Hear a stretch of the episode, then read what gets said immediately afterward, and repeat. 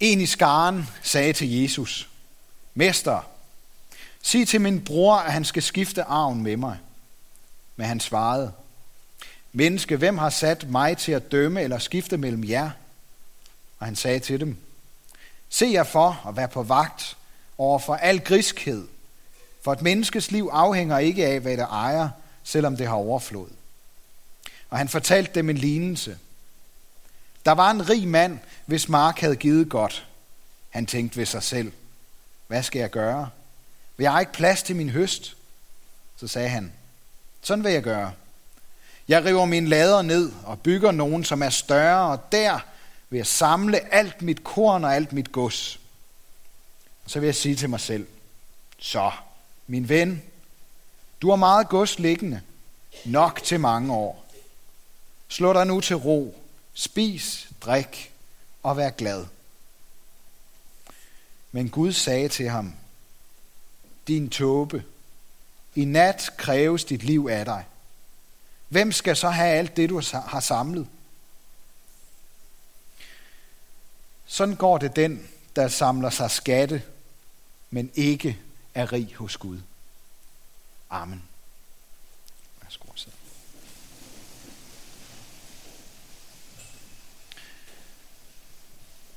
Jeg vil bede en, øh, en kort bøn. Jesus, hvis du er sandheden, sådan som du siger, du er,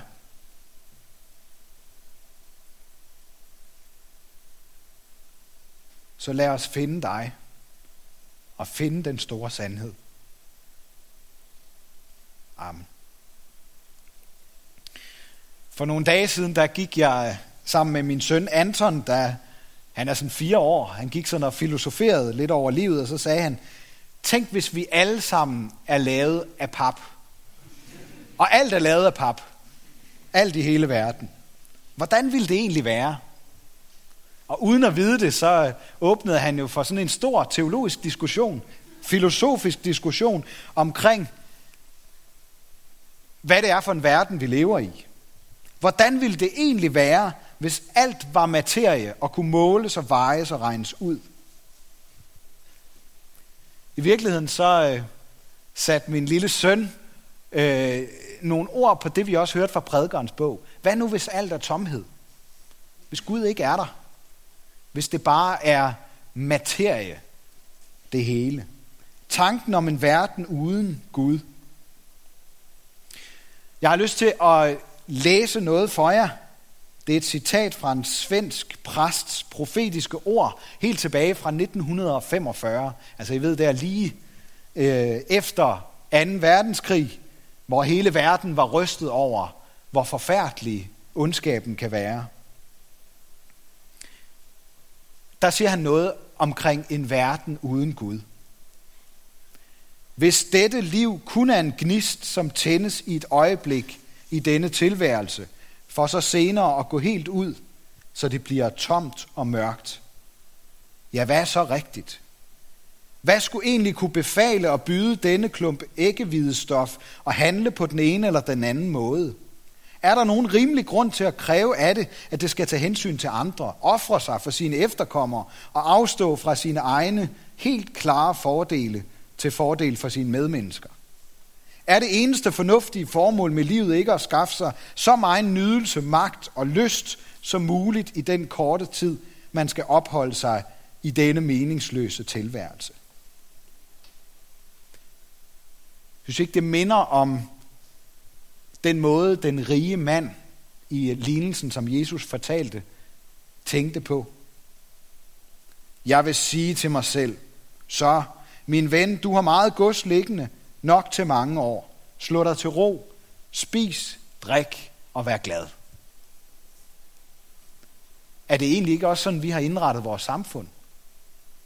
Vi sparer penge sammen hele livet, så vi kan nyde dem, når vi ikke længere har brug for dem, eller ikke lever længere. Tænker vi ikke også let som den rige mand? Altså, måske er det ikke lige penge, vi mangler, eller samler på, men, men så kan det være, at vi samler på point, eller viden, eller karakterer, eller muligheder, så vi kan få den uddannelse, eller det job, der kan give os penge, sikkerhed og magt og indflydelse. Det interessante det er, at videnskabens tanker om, at alt er materie og kan forklares med atomers bevægelse, lyder lidt som en lille drengs tanker om, at alt er lavet af pap. Vi er heldigvis som menneskehed blevet meget klogere end det. Selv bitte små atomer består af et ukendt antal mindre dele. Og når vi skal prøve at forstå levende væsener, så viser biologien og DNA-forskningen, at vi først lige er begyndt på at finde ud af, hvordan vi hænger sammen. Verden er langt mere kompliceret, end man havde forestillet sig bare for 50 år siden. Alligevel så lever løgnen videre. Løgnen om, at vi ikke har brug for nogen Gud, og at verden, som vi kender den, er opstået ved en tilfældighed. Fordi den store usandsynlighed er blevet gentaget så mange gange. Hvor almindelige mennesker og videnskabsfolk engang regnede det for en selvfølge, at det var Gud, der stod bag vores verden, så regner mange i dag det som en selvfølge, at der ikke er nogen Gud. Og midt i verdenshistorien står Jesus Kristus og hans liv og ord og fortællinger som en udfordring til os om at finde ud af, hvad er løgn og hvad er sandhed. Jeg ved ikke, om det er bare mig, men er det ikke påfaldende, så aktuel Jesus er med sit svar til den rige mand? Han rammer os lige på kornet. For er der noget, vi er gode til at snakke om og blive uvenner om, så er det i penge. Så er det penge. Især når nogen skal arve. Jeg gætter på, at den mand, der kom og spurgte Jesus, det var nok ikke, fordi han manglede penge. Jeg tror bare godt, han kunne bruge lidt flere. Så selvom vores måder at leve på, og vores måder at se verden på har ændret sig, så er vi åbenbart optaget af sådan nogenlunde det samme i dag, som de var dengang. Penge. Der er mange religiøse ledere gennem tiden, som ikke har kunnet dy sig for at blive politiske eller blive moralens vogtere. Her er Jesus anderledes. Hvis, hvis I har et andet billede af Jesus, så prøv at læse Nytestamente. Prøv at læse, hvordan han er beskrevet. Der er mange, der tænker, at, at Jesus han er, sådan, øh, han er sådan en stor morallærer. Det er løgn. Prøv at læs i Nytestamente. Jeg ved også, der er mange af jer, som, øh, som øh, kalder jer kristne, men det er faktisk længe siden, I har læst et helt evangelium igennem fra start til slut. Prøv lige at gøre det, og så øh, fornem, hvad er det, hvem er Jesus egentlig? Han er faktisk ikke ham der. Han er helt anderledes. Han er ikke sådan moral, moralens vogter. Jesus er anderledes. Han taler til det enkelte menneskes samvittighed. Uanset om vi så er verdensherskere, eller vi arbejder på en fabrik. Og så svarer han ofte på spørgsmål, som vi slet ikke selv stiller. Og uanset om vi har en meget videnskabelig tankegang, eller tænker helt jordnært om livet, så er vi nødt til at blive vendt i en anden retning, før vi kan tro på Jesus. At tro på den kristne Gud kommer før eller senere til at handle om, hvad vi tænker om Jesus. Det handler om, er Jesus en historisk person eller ej? Vores tidsregning og vores måde at tænke på er præget af, at Jesus levede engang og udtalte sig om vores måde at leve på som mennesker. En irsk historiker og kritiker i kirken, William Leckie, der levede sådan i slutningen af 1800-tallet, han siger, at de enkle skrifter om Jesu tre år lange virke har fornyet og forandret menneskeheden mere, end hvad filosofers udlægninger og moralisters opfordringer til sammen har udrettet. Ifølge Stefan Gustafsson, der har skrevet bogen Skeptikernes Guide til Jesus, som jeg har snuppet det her citat fra, han skriver, det er fordi kristen tro ikke er luftige idéer ud i det blå eller utilgængelige, dybe mysterier. Det handler om noget, som er sket i vores historie. Det er ikke universelle principper eller åndelige indsigter, som står i centrum. Det handler om, at noget nyt, skældsættende og positivt er sket med Jesus. Og derfor kan det også lade sig gøre at undersøge og afprøve kristendommens påstand. På på den anden side betyder det så også, at hvis kristendommen ikke er forankret i historien, så kræver al anstændighed, at den kristne kirke demonterer sig selv, siger Gustafsson. Jeg kan varmt anbefale jer at læse hans bog som en god måde at afprøve kristendommens påstande på. Skeptikernes guide til Jesus hedder den. Og resten af prædikenen her i dag, der vil jeg prøve at finde ud af, hvorfor Jesus fortæller sin historie om den rige mand. For manden fra historien her, han er jo i virkeligheden en fornuftig mand. Han tænker på sin egen fremtid, og han sikrer sig. Han er fremsynet. Problemet er bare, at han slet ikke er fremsynet nok. Og det er han ikke, fordi han har udladt Gud i sin ligning. For hvad sker der med alle hans økonomiske disponeringer og fremsynethed, når han en dag skal dø? Hvor er trygheden, sikkerheden og det overskud, han har i forhold til sit liv, det er pludselig ikke længere noget værd. Jeg tror, Jesus vil advare og beskytte os mod at blive grebet af griskhed ved at fortælle om den rige mand med laderne. For ikke nok med, at vi kan, gøre, vi kan komme til at gøre andre ondt i kampen for selv at få mere. Vi kan også komme til at miste os selv. Paulus siger det på en helt fantastisk måde. Jeg ved ikke, om I lader mærke til det. Jeg lader mærke til, at øh, Ingeborg, da hun læste det op, havde lagt mærke til det. Du, Guds menneske. Du er ikke din egen. Du er Guds menneske. Du står til ansvar over for ham, og han har ansvaret for at sørge for dig, fordi du er Guds menneske. Og hvis der er noget om det, Paulus siger her, så kan vi miste os selv og vores menneskelighed, hvis der ingen Gud er. Der er desværre alt for mange skræmmende eksempler på finansmænd, der tager deres eget liv, fordi deres løgne og økonomiske svindelnumre er blevet afsløret. De kan ikke klare og stå til ansvar for det, de har gjort. Man kan vel egentlig godt sige, at deres livsløgn slår dem ihjel.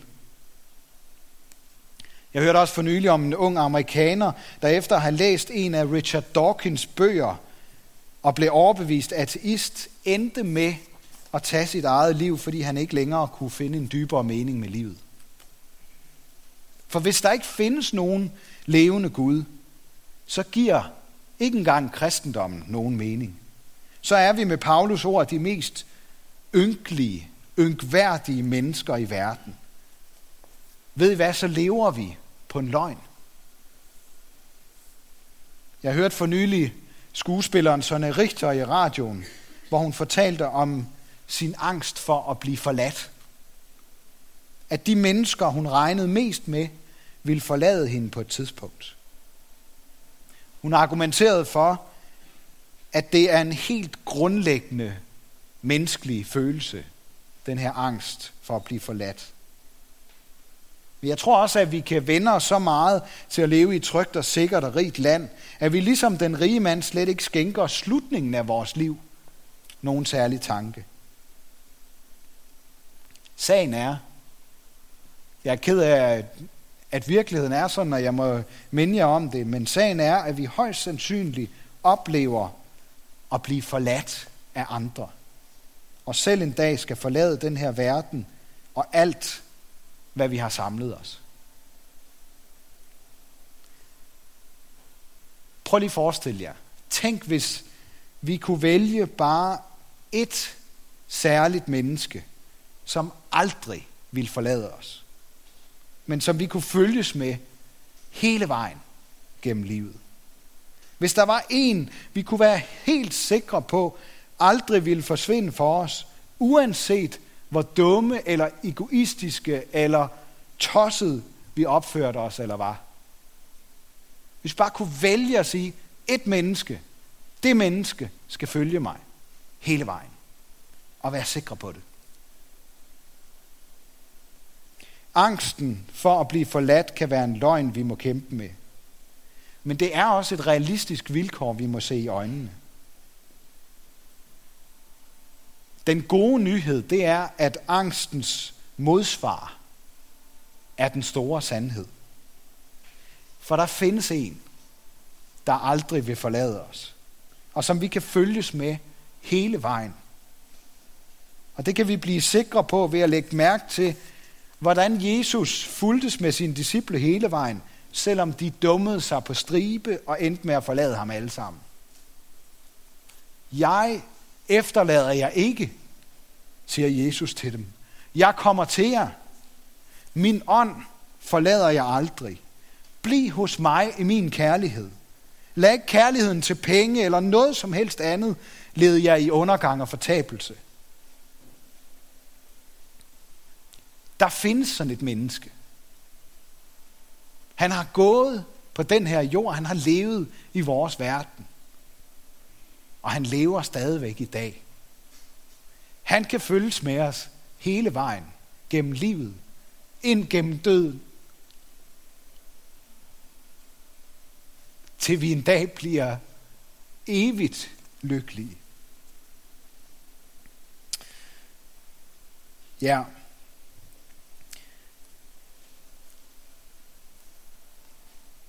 Ja, må undskyld, jeg, jeg tror, jeg har nævnt det her før, men øh, jeg bliver simpelthen nødt til at nævne det igen.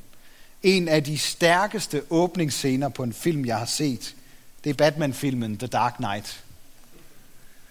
Den ene forbryder efter den anden er med i et stort kup. Alle har en jokermaske på og bliver snydt og skudt af den næste i rækken. Til sidst så skyder en mand de sidste overlevende.